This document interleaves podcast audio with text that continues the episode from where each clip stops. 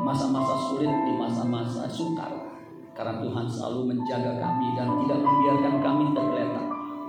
Bahkan sehelai rambut yang jatuh dari kepala kami pun Tuhan hitung. Kami bersyukur memiliki Allah Jehovah Jireh, Allah yang menyediakan, Allah yang memelihara, Allah yang mencukupi kebutuhan kami, terutama kebutuhan rohani kami, supaya kami senantiasa hidup berkenan di hadapan Tuhan. Kalau kami bisa memasuki tahun 2023 di minggu yang kedua ini karena anugerah dan pertolongan Tuhan. Biar kami menggunakan waktu yang ada pada saat ini untuk senantiasa menyenangkan hati Tuhan. Terima kasih Bapak di surga kami sudah memuji menyembah Tuhan tiba saatnya buat kami mendengarkan firman-Mu. Kami sangat-sangat membutuhkan firman-Mu Tuhan sebab firman-Mu adalah pelita buat kaki kami dan terang buat jalan hidup kami. Urapi kami semua, urapi hamba-Mu. Di dalam nama Tuhan Yesus kami berdoa mengucap syukur. Haleluya. Yang percaya diberkati berkata, Amin. Tepuk tangan buat Tuhan Yesus. Silakan ibu teruskan. Terima kasih kepada ibu pemusnya LCD, dan semua yang mengambil bagian dalam pujian penyembahan. Apa kabar saudara? Luar biasa puji Tuhan ya kalau kita bisa ada di minggu kedua 2023 ini itu karena anugerah Tuhan, kebaikan Tuhan. Ya, hari ini begitu cerah, saudara sekalian. Ya, puji Tuhan. Saya mengucapkan terima kasih kepada Pak Gembala yang mempercayakan saya menyampaikan firman Tuhan. Saudara-saudara sekalian, tahun 2023 ini ya ini luar biasa ya. Banyak ramalan-ramalan ya karena berdasarkan tahun 2022 itu kurang menyenangkan ya. Makanya khotbah saya ya sesuai dengan uh, di depan ini rise up and be healthy. Saya ambil subnya yaitu the year of church health. Nah ini sebenarnya saudara uh, subtema atau bagian dari tema GBI Filemon ya. Bisa diklik saudara ya. Tahun 2022 itu para ahli atau orang-orang menyebut menyebutnya sebagai the year of prolonged uncertainty ya. tahun di mana ketidakpastian berkepanjangan ya. itu 2022 sebab ya, pandemi dimulai di awal 20 tahun 20 2020 ternyata berlangsung penuh sampai 2021 dan 2022 mulai melandai dan puji Tuhan seluruh sekalian pemerintah mencabut PPKM. Ya. Tapi meskipun PPKM sudah dicabut, tetap prokes kita jalankan. Amin terus. Sebagian besar hampir semua pakai masker. Saya pun tadi pakai masker. Ya. Korban saya cepat eh, saya copot supaya nafas saya lebih lega saudara ya. Nah tahun 2023 ya, para ahli atau orang-orang menyebutnya sebagai the year of global recession. Sebagai tahun apa? The year of global recession. Tahun resesi global. Hampir semua menyetujui bahwa ekonomi tahun 2023 itu melemah, melambat. Ya. Tapi puji Tuhan, ya. Indonesia tahun 2022 masih bertumbuh. Ya. Pertumbuhan ekonominya 5,72 itu di kuartal ketiga. Ya, kuartal keempat kemungkinan tidak beda jauh dan 2023 diprediksi akan tetap baik saudara sekalian. Ah, ini luar biasa. Tepuk tangan buat Yesus ya. yang tetap menaungi Indonesia. Memang saudara sekalian krisis global ini tidak bisa dihindari sejak perang Ukraina dan Rusia dari Februari tahun 2022 sudah 11 bulan belum usai-usai saudara ya menyebabkan begitu banyak kesukaran saudara ya. Tapi bersyukur Indonesia bisa tetap survive itu karena kebaikan Tuhan melalui pemerintahan yang ada saat ini. Nah, saudara sekalian, nah gereja kita bisa diklik gereja kita saudara sekalian itu mencanangkan tahun ini sebagai church revival, the year of church revival. Ya. Kalau saya punya keyakinan begini, memang 2023 nggak bisa dihindari. Ya, saudara yang bisa memahami situasi kondisi, globalization itu nggak bisa dihindari. Tetapi di dalam Tuhan ada yang namanya rest essence. Ada yang namanya apa? Rest essence. Artinya kelegaan sejati. Ya, bukan satu kebetulan. Di akhir tahun lalu saya khotbah tentang kelegaan yang sejati. Ya, ternyata saudara sekalian, Orang-orang yang optimis di dalam Tuhan, sekali lagi optimis di dalam Tuhan, mengatakan tahun ini memang kesulitan tidak bisa dihindari. Tetapi jangan lupa ada yang namanya bounty, bountiful blessing, berkat yang berkelimpahan. Karena apa? Ada rest essence, kelegaan sejati. Ya. Jadi itu kontradiktori ya, kontradiksi. Ya. Satu sisi mengatakan bountiful blessing, tapi satu sisi ada turmoil, ada kesulitan. Ya. Tetapi di dalam Tuhan segala perkara kita dapat tanggung di dalam Dia. Amin saudara sekalian. Makanya asal saudara dan saya ada dalam Tuhan, mau kesulitan apa pun, situasi apa pun, kita bisa bertahan. Ya, makanya betul. Ya, Pak Gembala mencanangkan tahun ini the year of church revival. Ya, tahun kebangkitan gereja, saudara sekalian. Ya. Jadi gereja mesti bangkit. Nah, saya ambil tema, subtemanya itu the church, the year of church health. Jadi kalau gereja itu sehat, dia akan bangkit, dia akan bertumbuh, saudara. Ya. Kalau anggotanya sehat, ya, rohaninya sehat, secara komunal gereja juga akan sehat. Nah untuk itu saya akan bahas tentang kesehatan gereja. Ya. Diambil dari 1 Timotius 4 ayat 6 sampai 11. 1 Timotius 4 ayat 6 sampai 11. Ini surat pastoral Rasul Paulus kepada anak didiknya, anak rohaninya yang bernama Timotius. Paulus punya dua anak didik, Timotius dan Titus. Nah ini kepada Timotius. 1 Timotius 4 ayat 6 sampai 11 bisa dibantu di Alkitab elektronik. Dikatakan begini, saya akan bacakan buat kita semua. Ya mudah-mudahan dalam waktu 30 sampai 40 menit ini saya bisa menyampaikan kebenaran firman Tuhan yang memang kita butuhkan. Ya. Dengan selalu mengingat hal-hal itu kepada saudara-saudara kita, engkau akan menjadi seorang pelayan Kristus Yesus yang apa? Yang baik. Saya berharap saudara menjadi pelayan Kristus yang baik. Ya, amin sedikit saudara. Ini kita harus canangkan ya. Tuhan ingin kita menjadi pelayan. Semua manusia itu sebenarnya adalah pelayan, melayani raja di atas segala raja. Ya, makanya belajar menjadi pelayan Kristus Yesus yang baik sejak hidup di bumi ini. Terdidik. Jadi pelayan Tuhan yang baik itu terdidik dalam soal soal pokok iman kita. Jadi mesti terdidik. Makanya orang Kristen itu disebut murid. Murid itu dididik, ditingkatkan kualitasnya, terutama kualitas rohaninya, kualitas karakternya. Ya. Kalau karakternya buruk, nggak bisa connect dengan Tuhan, ya. nggak bisa. Ya. Makanya mesti di-educated, mesti di-educate, mesti dididik. Ya. Nah pelayan Tuhan yang males nggak mau beribadah, nggak mau dididik, saudara nggak akan bisa lebih baik. Ya. Saya sampai sekarang pun belajar terus terus kalian, nggak pernah berhenti. Ya. Terdidik dalam soal soal pokok iman kita dan dalam ajaran sehat, good doctrine. Ya. Kalau kita mau rohani sehat, baik, ajaran juga mesti sehat. Amin terus kalian doktrinnya mesti benar. Ya, good doctrine atau good teaching. Coba katakan good teaching. Good teaching. Nah, untuk mendapatkan good teaching, apa, apa, ajaran yang baik, mesti punya good teacher, ya, guru yang baik. Nah, kita punya guru di atas segala guru yang disebut master, rabi, yaitu Yesus. Ajarannya luar biasa karena dia sang kebenaran. Makanya kita mesti belajar di bawah kakinya itu untuk minta pimpinan Tuhan. Sehingga ajarannya sehat. Ajaran yang berbahaya yang sangat disukai oleh Kristen adalah prosperity gospel. Ajaran Injil kemakmuran. Wah, saya teliti seluruh sekalian.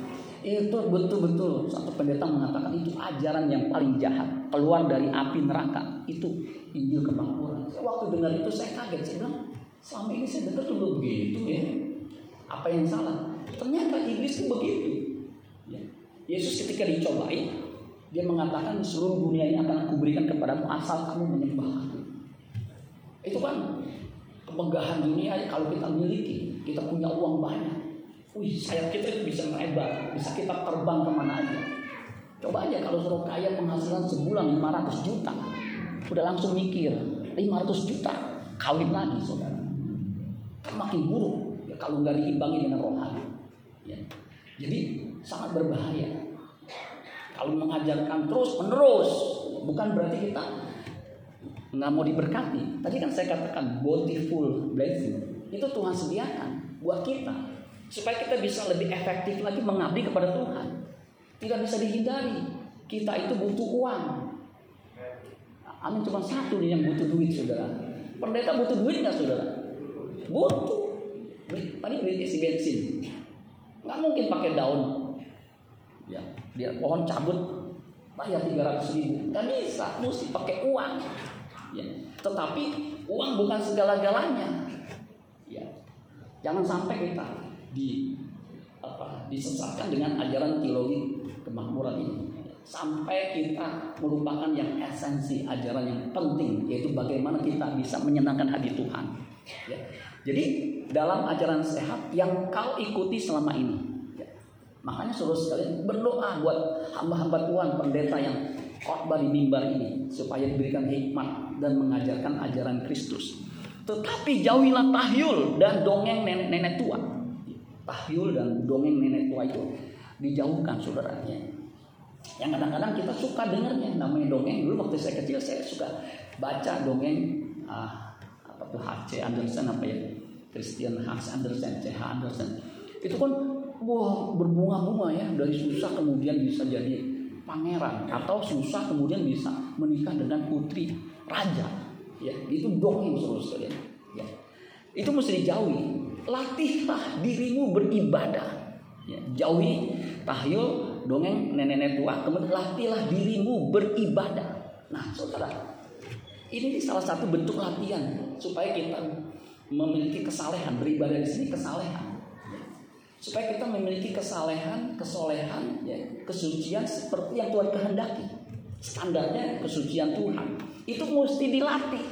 Ya, kalau saudara nggak latih nggak bisa. Kayak nyanyi pujian. Kalau saudara belum tahu lagunya, suruh nyanyi nggak bisa langsung bisa. Harus dilatih.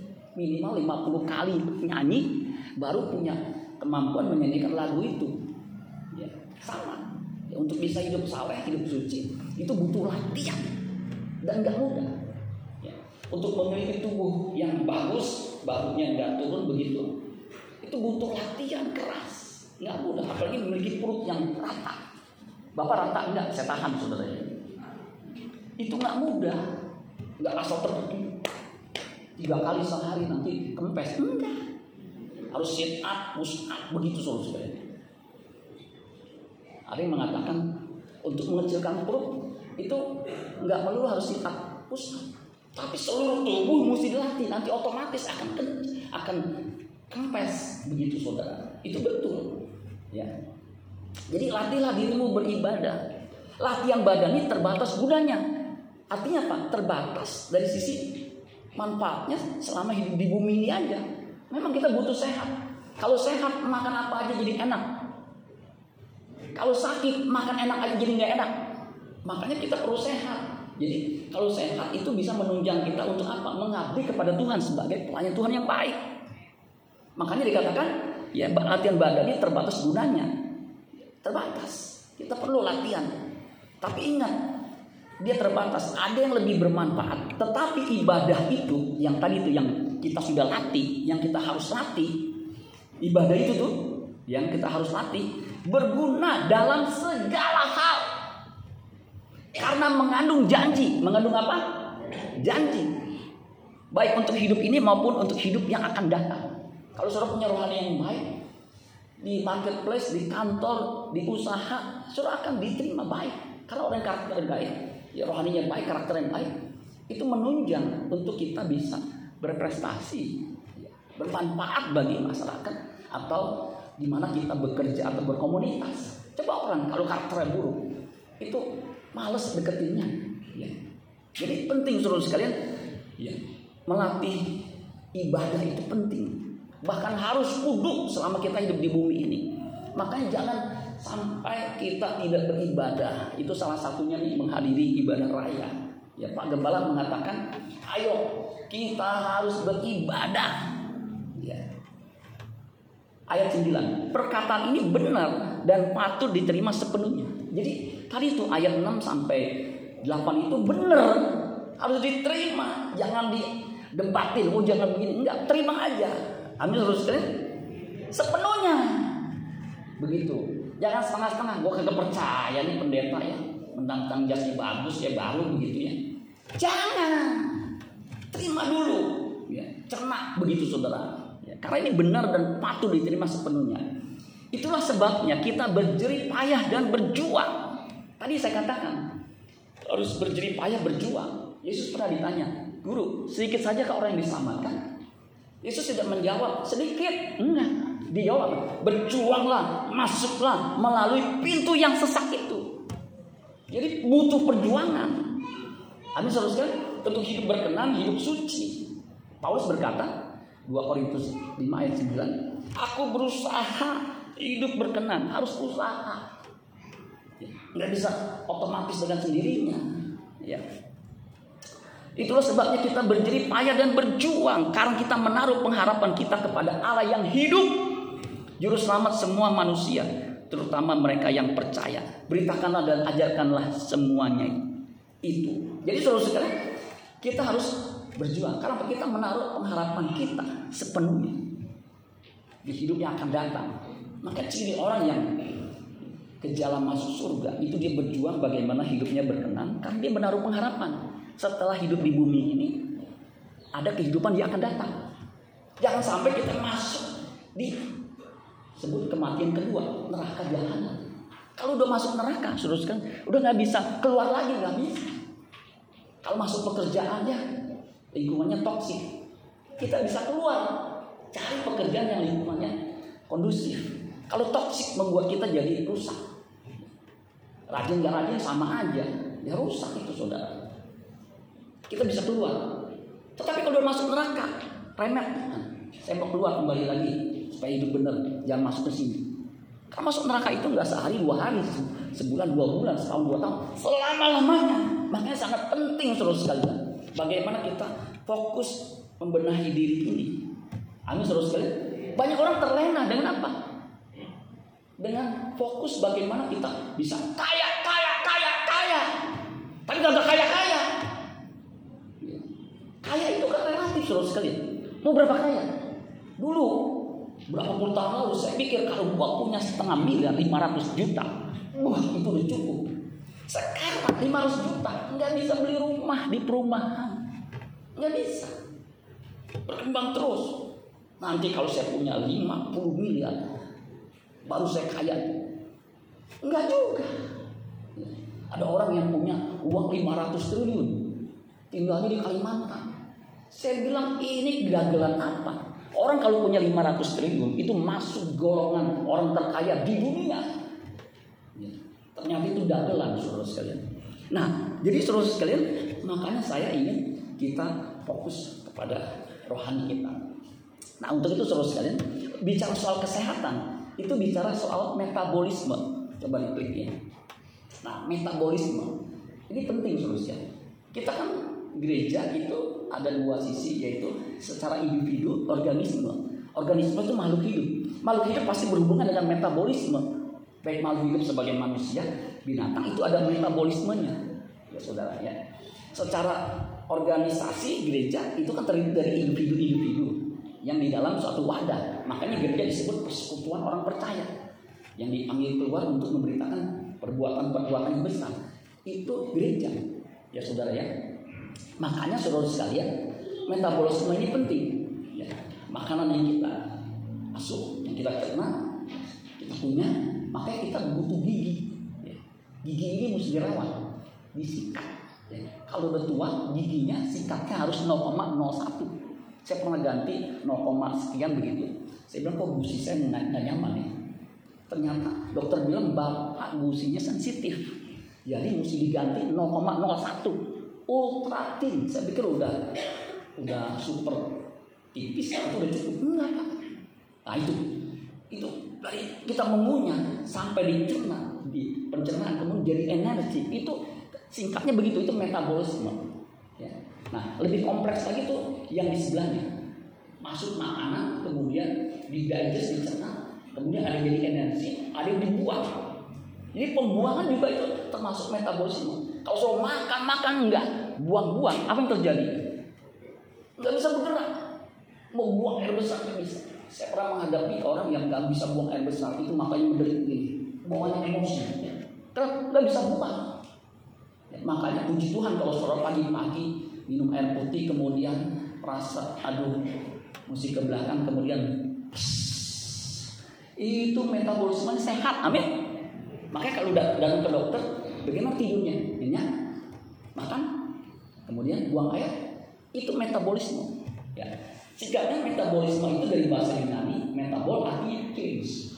Change. Coba katakan change. Nah kata change ini penting. Alkitab tuh mengungkapkan esensinya change. Meta, metamorfose. Saya pernah khotbahin, kalau manusia tidak mengalami perubahan, dia akan punah. Itu betul. Ya. Jadi metabolisme ini penting. Metabolisme itu mengacu kepada proses biokimia. Dalam tubuh kita tuh ada hormon, ada enzim segala macam proses biokimia yang terjadi dalam tubuh semua makhluk hidup, organisme, makhluk hidup, termasuk manusia, supaya bisa bertahan hidup. Kalau metabolismenya rusak, itu nggak bisa bertahan. Metabolisme itu dipengaruhi oleh lingkungan, sehingga suhu tubuh juga mempengaruhi metabolisme oleh hormon. Ya makanya kalau stres itu metabolismenya terganggu. Oleh apa? Oleh keadaan-keadaan lingkungan, apa yang kita makan itu mempengaruhi metabolisme tubuh kita. Dan kalau metabolisme kita keganggu, nanti sakit. Orang yang sudah tidak bisa diperbaiki lagi karena usia, usia juga mempengaruhi metabolisme. Dulu kita bangun pagi itu bisa langsung on. Kalau sekarang mesti diam dulu. Langsung bangun jatuh dia. Begitu solusinya. Ya. Proses biokimia ini, metabolisme, memungkinkan manusia untuk tumbuh, berkembang, ya berkembang, memperbaiki kerusakan dan merespon lingkungan mereka. Itu kalau sehat metabolisme. Jadi metabolisme itu adalah satu set, satu perangkat yang ada dalam organisme, dalam diri saudara manusia hidup untuk apa? Mempertahankan hidup. Jadi reaksi kimia yang ada dalam diri kita itu harus digunakan apa bermanfaat untuk mempertahankan hidup. Kalau saudara metabolismenya rusak, makan langsung kebuang, gak dicerna lagi, gak jadi energi, rusak. Saya pernah menyaksikan orang udah susah di di apa cuci darah jebol mesinnya nggak kuat kenapa ini udah terlalu encer jadi percuma nggak bisa menghasilkan darah yang bisa mengalirkan oksigen. Jadi di stop stop stop. Karena udah kelabakan begitu. Dikasih obat satu pilnya itu 750 ribu. Pikir untuk menghentikan pendarahan jebol! Harusnya kan obat itu mem, apa, menolong untuk mempercepat kesembuhan. Nggak bisa. Nah, itu metabolisme yang udah memang nggak bisa diperbaiki. Ya. Next. Jadi saudara sekalian, metabolisme itu cara kerjanya memang kompleks. Kita kan bukan pelajaran teologi, kita pelajaran uh, uh, bukan pelajaran biologi.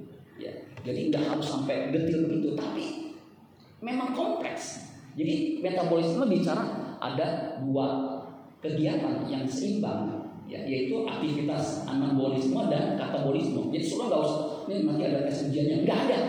Yang penting sudah tahu lah metabolisme kita ada anabolisme itu yang konstruktif. Jadi kita makan untuk membangun jaringan-jaringan rusak dan juga untuk energi. Kemudian yang destruktif katabolisme. Jadi molekul besar di jadi kecil sehingga jadi cadangan sehingga bisa digunakan untuk ya persediaan proses anabolisme begitu sudah bolak balik itu secara simultan ya ini luar biasa karena metabolisme itu proses ketika tubuh mengubah makanan dan minuman. Makanya metabol itu dari kata change, ya, metabol yang dikonsumsi, dicampur sama oksigen. Itu luar biasa saudara sekalian. Ya. Jadi pendek kata kita harus memperhatikan ya, tubuh kita itu metabolisme. Ternyata saudara kerohanian itu juga kita analogikan seperti metabolisme yang kita harus perhatikan. Karena kesehatan fisik tergantung metabolismenya. Ya, makanya kita harus memperhatikan. Ya, next. Nah ini slide yang terakhir. Jadi metabolisme rohani itu kita perlu perhatikan. Kalau kita mau sehat, kita mau latihan setiap kali, tapi kalau kita nggak bagus metabolismenya, ada orang ke gereja-gereja jahat mah tetap jalan terus sebab apa? Metabolismenya rusak. Terus saya pernah renungkan, kenapa ya? Orang ke gereja ke gereja, Pelayanan sih pelayanan. Jahat mah jalan terus. Itu kan rusak tuh. Sampai saya bingung ini gimana bisa begitu. Jangan-jangan saya juga bisa begitu. Sih khotbah, pakai bahasa Inggris, bahasa asing. Tapi pikiran jahat, itu bahaya saudara. Jangan sampai. Maka Yesus berkata, bukan orang yang berseru Tuhan Tuhan yang masuk dalam kerajaan surga, bukan. Yang melakukan kehendak Bapakku yang di surga. Pada hari terakhir, aku akan berkata, kamu pembuat kejahatan. Karena nggak melakukan kehendak Bapak. Itu kan celaka saudara sekalian. Hari terakhir di ujung kita pikir pede aja begitu ya. Oh saya udah melayani. Bahkan orang sakit saya doain sembuh. Kalau saya dikenal di antara pendeta itu doain orang bukannya sembuh mati. Makanya saya kadang-kadang ngeri. Kalau doain aduh pernah saya diundang Pak tolong doain nih Papa saya kenapa Dokter udah bilang jangan di ICU biayanya mahal nggak bisa disembuhkan lagi. Udah bawa ke sakit biasa itu tiga hari dari ICU nggak bisa belum sembuh. Dokter bilang bawa pulang tapi gimana? Maksudnya ya tolong doain ya sambil nada begitu. Maksudnya apa? Ya biar cepet pak. Ah ini makanan gua nih. Padahal saya pelayanan tuh hari apa sih Jumat kalau nggak salah. Tapi saya bisa jam 2 karena saya pelayanan di kantor. Kebetulan Sudirman itu Cikini deket Ya saya tunggu pak. Saya datang saudara sekalian. Langsung datang nih pak jimatnya. Kata pendoa syafaat Israel sama pendeta yang doain. Waduh, cinta. Buset, tolong ada tisu dong. Gue beli nih dalam hati saya. Pakai tisu. Suruh disimpan pak doain dihancurin. Ya udah saya kantongin ya. Mana? Ya udah begini. Ini udah bisa respon. Oh kagak bisa. Tapi begini terus. Pendoa syafaat bilang ini mah mesti pendeta nih. Ya, coba cari pendeta lah. Saya mah pendoa syafaat tidak ada saksi so nanti bisa cek orang ini saya doain singkat cerita saya doain ya ya mau sembuh sembuh. Kalau Tuhan sembuhkan bisa sembuhkan. Kan tetap optimis bukan? Dalam nama Yesus kalau Tuhan kehendaki lain terjadilah. Saya pulang cepet-cepet saya, saya belum makan saya lapar kan? Baru sampai di pintu gerbang masuk tuh WA Pak terima kasih. Papa saya sudah meninggal. Tuh saudara ini bukan cerita rekayasa, memang kenyataannya begitu. Tapi jangan sampai doain orang minta mati langsung mati, kemudian nanti di surga langsung disambut. Jangan-jangan gak berkenan nih. Kenapa? Ada kagak beres dalam hidupnya. Wah, itu mengerikan terus. Makanya kita belajar yang paling esensi. Metabolisme rohani kita tuh rusak. Itu karena memang kodrat dosa. Kodrat dosa dia dalam diri kita. Di dalam. Jadi sulit dilepaskan. Kita ingin melakukan yang baik, yang jahat aku lakukan. Paulus bilang, Martin Luther mengatakan non pose non pekare. Tidak bisa tidak berbuat dosa. Cenderung jahat. Kejadian pasal 6 ya, ayat 5 ayat selanjutnya. Kecenderungan hatinya jahat. Itu kodrat dosa. Sehingga apa? Metabolisme rohani itu susah. Ingin melakukan yang baik. Yang jahat dia lakukan. Kan kurang ajar. Tuh kok bisa begitu? Memang begitu. Makanya berjuang untuk bisa hidup benar itu bukan hanya susah, bukan hanya suka, mustahil. Susah, apalagi zaman now begini. Waktu saya baca, ternyata transaksi pornografi melalui OVO, melalui Gojek, melalui GoPay segala macam itu 114 triliun, 114 miliar transaksi OVO untuk pornografi untuk anak-anak 114 miliar itu kan besar sekali sampai saya bilang Wow, anak-anak udah dirusak otak disuruh sini. Luar biasa. Ya. Saya ikut seminar kemarin hari Sabtu.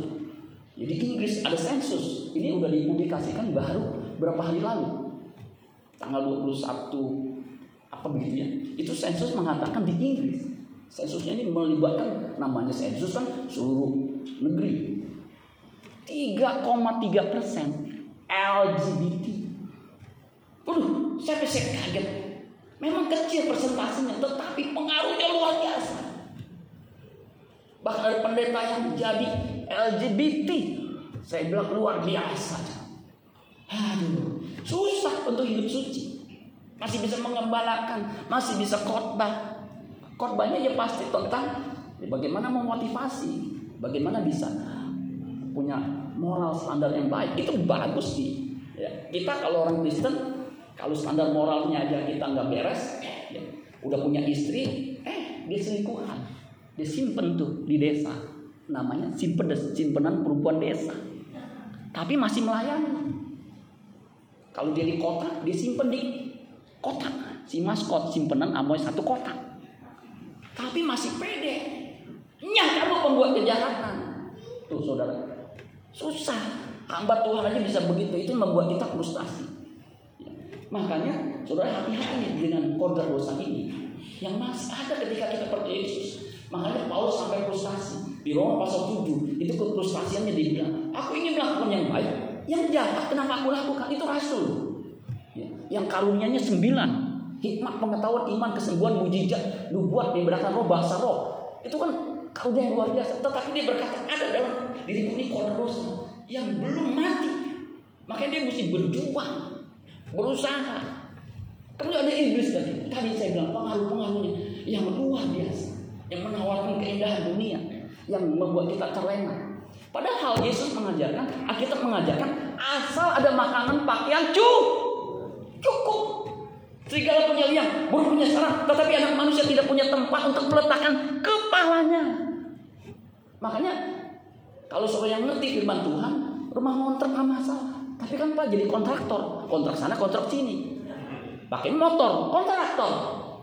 Kan kalau pakai mobil enak Pak, hujan gak kehujanan, panas gak kepanasan. Naik motor juga hujan gak kepanasan, panas gak kehujanan.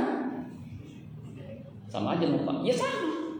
Kita fokus begitu, pendidikan rendah tapi pengen punya jabatan tinggi. Akhirnya jongkok sana, jongkok sini. Ya kagak beres terus sekalian. Tapi kalau kita asal ada makanan, pakaian cukup, Ya bapak mah enak, masih bisa makan, masih bisa minum. Saya makan seadanya. Ini tanya istri. Kalau dia udah masak, saya kadang-kadang stres. Sebab apa? Dia masak, dapur udah kayak kapal pecah.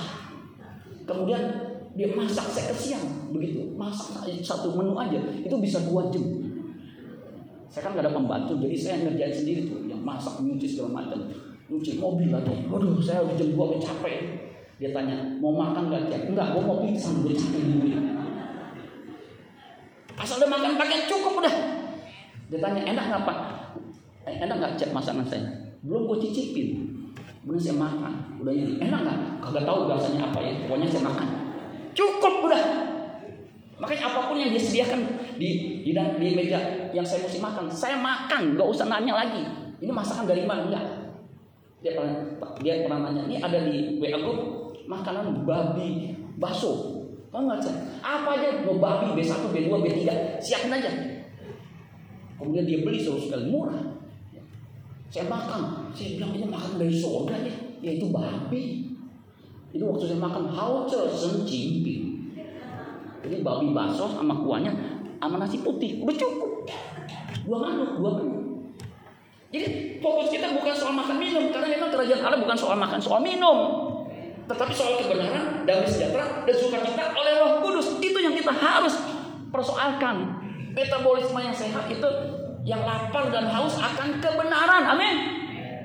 Bukan yang lain. Makanya ciri orang yang rohani dia lapar dan haus akan kebenaran. Matius 5 ayat 6. Kalau dia nggak lapar haus akan kebenaran, lapar hausnya akan yang lain, itu nggak sehat rohaninya. Kalau metabolisme sehat, fisik ini, itu dokter bilang dia ada rasa haus. Kayak tadi saya udah setengah jam, pasti haus, betul nggak? Makanya saya bawa minuman di sini. Nih, karena haus saya minum. Ah, seger. Itu metabolisme yang sehat. Ada orang yang metabolisme sakit, mau haus, mau lapar, namanya sakit, nggak enak makan. Karena memang diteliti di dalam otak kita ada bagian yang namanya parasutalamik nukleus PSTN. Itu yang memberikan sinyal ya. Kalau lapar ada tuh sinyal, kalau haus ada. Gitu. Itu begitu tuh. Jadi tubuh nggak sampai dehidrasi, nggak sampai kelaparan. Makan juga pas kenyang itu dikasih tahu begitu. Ada orang karena saking makanannya enak, babi bakso ditambah babi bawang, babi merah, babi kecap sama babi ngepet ngumpul semua. Ketika makan nggak berasa berarti udah stop stop stop. Akibatnya lemak sudah yang luar biasa metabolisme tubuh kita ini. Menyimpan lemak kita nggak bisa atur jadi ada orang yang menyimpan lemak pada umumnya di perut betul nggak kalau makan terlalu banyak lemak atau berlebihan nanti perutnya buncit ada orang yang makannya banyak tetapi nggak di perut di pipi tembem kayak berbohong ada yang lemaknya di mana di paha. Jadi kalau makan banyak pahanya mengembung kayak penguin begitu gede. Jadi kita nggak bisa ngatur. Kalau kita bisa ngatur, kalau lemak tolong taruh di punggung kayak onta. Jadi waktu dipoto kita nggak usah kecil-kecilin perut tahan begitu ya. Udah gue tahan nih, ayo cepat. Ya, satu dua, ayo nih udah nggak tahan nih. Taruh di punuk kan enak ya begini ya, ah, perutnya ini. Punuk kan nggak kelihatan. Nggak bisa. Kalau dia otomatis begitu. Makanya tubuh rohani ini juga kompleks. Tetapi Tuhan kasih rasa haus itu sebagai indikasi rasa haus akan Tuhan, rasa haus akan kebenaran, indikasi metabolismenya sehat. Saya ulangi lagi ya karena nggak ada yang amin. Indikasi seorang yang metabolisme rohaninya sehat, dia rindu dan haus akan Tuhan. Nah ini baru dulu sekalian. Ya. Khotbah masih pandemi begini ya walaupun udah PPKM itu 40 menit paling panjang masih ada 10 menit ya sampai selesai jadi solusi metabolisme rohani ini kita harus perhatikan. Sebenarnya Tuhan udah kasih sarana untuk kita bisa memiliki kesehatan rohani, penembusan dalam Kristus. Itu anugerah. Amin terus kita harus terima dengan iman. Karena keselamatan hanya ada Yesus Kristus. Kita mengatakan ketika Petrus khotbah, murid-murid khotbah, itu mencanangkan gitu dan keselamatan tidak ada di dalam siapa pun juga selain di dalam dia sebab di bawah kolong langit tidak ada nama lain yang berdiri kepada manusia yang olehnya kita dapat diselamatkan nggak ada makanya itu anugerah yang membuat kita rohani kita sehat. Kemudian Injil Injil kekuatan Allah yang menyelamatkan. Menyelamatkan atau menyembuhkan. Heal heal itu bisa menyelamatkan bisa menyembuhkan. Makanya perlu Injil ajaran yang sehat. Roh Kudus, waktu kita percaya Yesus, Efesus 1 ayat 13, dimeteraikan, dia tinggal. Hanya orang yang terima Yesus, yang percaya Yesus, ada Roh Kudus yang mengajarkan segala sesuatu, yang memimpin kita kepada seluruh kebenaran. Kebenaran itu menguduskan kita dengan kekudusan standar Allah. Efesus 4 ayat 24. Jadi ini kan luar biasa sarana-sarana ini. Dan ada yang namanya sarana penggarapan Allah. Jadi Tuhan turut bekerja dalam sesuatu untuk mendatangkan kebaikan. Ini exercise kalau suruh mau punya otot yang bagus kan ototnya itu mesti pecah dulu. Pusat nggak bisa sekali tek langsung ototnya berkembang. Enggak. Mesti 10 kali sampai aduh begitu. Nah, otot pecah itu nanti dia mengembang karena ada metabolisme sehingga makin besar. Apalagi di, di masukin suplemen yang cukup mahal supaya proteinnya cukup baru bisa bagus. Nah itu sarana. Tetapi kita mesti kooperatif. Ayo saudara sekalian. Kalau sudah sakit, dokter bilang minum obatnya ini ini ini ya. Kemudian ini yang mesti dilakukan ya, makanannya ini ini. Saudara langgar, obat nggak diminum, dibuang ke WC atau diumpetin atau dibuang ke sampah. Bisa sembuh nggak? Nggak bisa. Tuhan itu dokter, dia segala dokter. Dia datang untuk orang berdosa. Kita ini orang berdosa. Kita butuh Tuhan untuk menyembuhkan rohani kita. Habis terusnya saya waktu dengar korban saya agak mau nangis juga ya. Ada seorang nih saudara ini cerita betul-betul luar biasa. Ayahnya autis lagi proses penyembuhan. Ibunya itu pernah luka batin yang luar biasa. Ya, jadi emosinya nggak stabil. Pernah dia kerja di kantor, dia ngamuk. Itu laptop bosnya dibanting di depan matanya sampai dipecat. Ya, kemudian anaknya udah autis, karakternya buruk di sekolah. Aduh, udah gak punya harapan. Pernah dipanggil sama gurunya. Ini tolong deh, jangan sekolah di sini. Kenapa? Saya diludahin. Mama jawaban, bapak masih bagus, cuma diludahin, nggak dibunuh gitu terus. Waduh, ini anak gimana ya? Ketika dia, jadi kalau sekolah paling tiga empat nilainya, paling tinggi lima begitu. Nah, tiga empat lima gimana saudara sekalian? Tapi lulus juga SMA. Dia aduh, saya kalau kayak begini di mana? Jadi autis, rumah tangga seperti itu, nggak kaya anak. Kalau kaya mungkin bisa diinin pakai hormon, pakai suntikan segala macam. Tapi dia punya kerinduan, Tuhan tolong saya jadi orang berguna. Dia berdoa. Dia datang sama hamba Tuhan. Nasihat hamba Tuhannya ini memang aneh. Dia juga bilang, masa mesti dinasihatin begini? Kamu udah sekolah di Singapura aja mandiri. Tuhan berkata begitu. Ya, gimana ibu pendeta? Saya di sini aja kagak bisa survive. Kamu taat aja. advice dari dokter segala dokter. Dia ngomong sama mamanya, mah gimana? Ya, lu ya, kita udah susah, lu bodoh, sekolah Singapura, mau jadi apa lu? Ya ke bapaknya, ya, gua autis, gua susah, nggak punya duit, udah kagak bisa, udah di sini aja. Tapi dia masih bertekad, udahlah apa aja, pokoknya asal tiket dia pergi. Dia ngomong sama omanya, oma saya mau ke Singapura. Omanya selama ini pelit, sini ada omanya pelit, nah ini ke diri. Tapi kali itu dia tulis cek cukup besar. Nih, buat lu. Dia sekolah di sana. Dia ibadah. Dia mau diubahkan. Dua tahun dia kelar. Sampai orang-orang bingung. Kok bisa ya? Ternyata, ternyata apa? Dia punya kehausan, kerinduan bagaimana bisa diubahkan. Ketika dia taat, diubahkan. Amin saudara. Sama. Kita kok mau melakukan yang baik? Ya. Mau hidup kudus? Ya, rumah. Kudisan saya tapi kalau bertekad terus terus ada belas kasihan Tuhan, Tuhan mengubahkan. Kalau yang tadi aja nggak punya harapan untuk bisa masuk surga, untuk bisa survive di bumi aja nggak bisa, apalagi masuk surga jahat begini. Tetapi ketika punya kerinduan rasa haus akan Tuhan, Tuhan bisa ubahkan. Yang amin cuma bagian sini. Kalau kita punya rasa haus, punya keinginan hidup dalam kebenaran, itu Tuhan bisa ubahkan. Tekad, tekad komitmen itu sangat penting. Bisa saya ikut uh, apa Zoom meeting resolusi. Betul resolusi itu penting. Yang kita harus kerjakan? Saya bilang resolusi kita cuma satu. Bagaimana kita bisa hidup sempurna seperti Bapa, hidup seperti Kristus. Itu harus punya tekad yang kuat. Enggak bisa enggak. Karena susah untuk bisa hidup berkenan. Metabolisme kita rusak. Tapi puji Tuhan. Ada sarana yang bisa memungkinkan kita dipulihkan. Dan asal kita mau Makanya harus kita punya kerinduan akan Tuhan, kerinduan akan kebenaran. Dan itu tidak bisa terjadi dengan sendirinya. Kalau rasa haus, kayak saya udah mulai haus nih. Ini otak perintahkan minum, saya minum kan. Tapi rasa haus akan Tuhan nggak bisa terjadi dengan sendirinya. Harus diusahakan. Bangun pagi Tuhan. Saya masih ngantuk tapi saya mau Tuhan. Tolong terus Males ke gereja ini hujan enaknya tidur nih. Aduh, ini masih menit. Bangun. Mesti baca Alkitab, baca kitab suci doa tiap hari gimana? Lakukan. Terus terus terus. Nanti dipulihkan metabolisme tubuh rohani kita pulih otomatis. Day to day, detik ke detik kita bisa menyenangkan Tuhan. Amin saudara Sama pendeta juga kalau khotbah.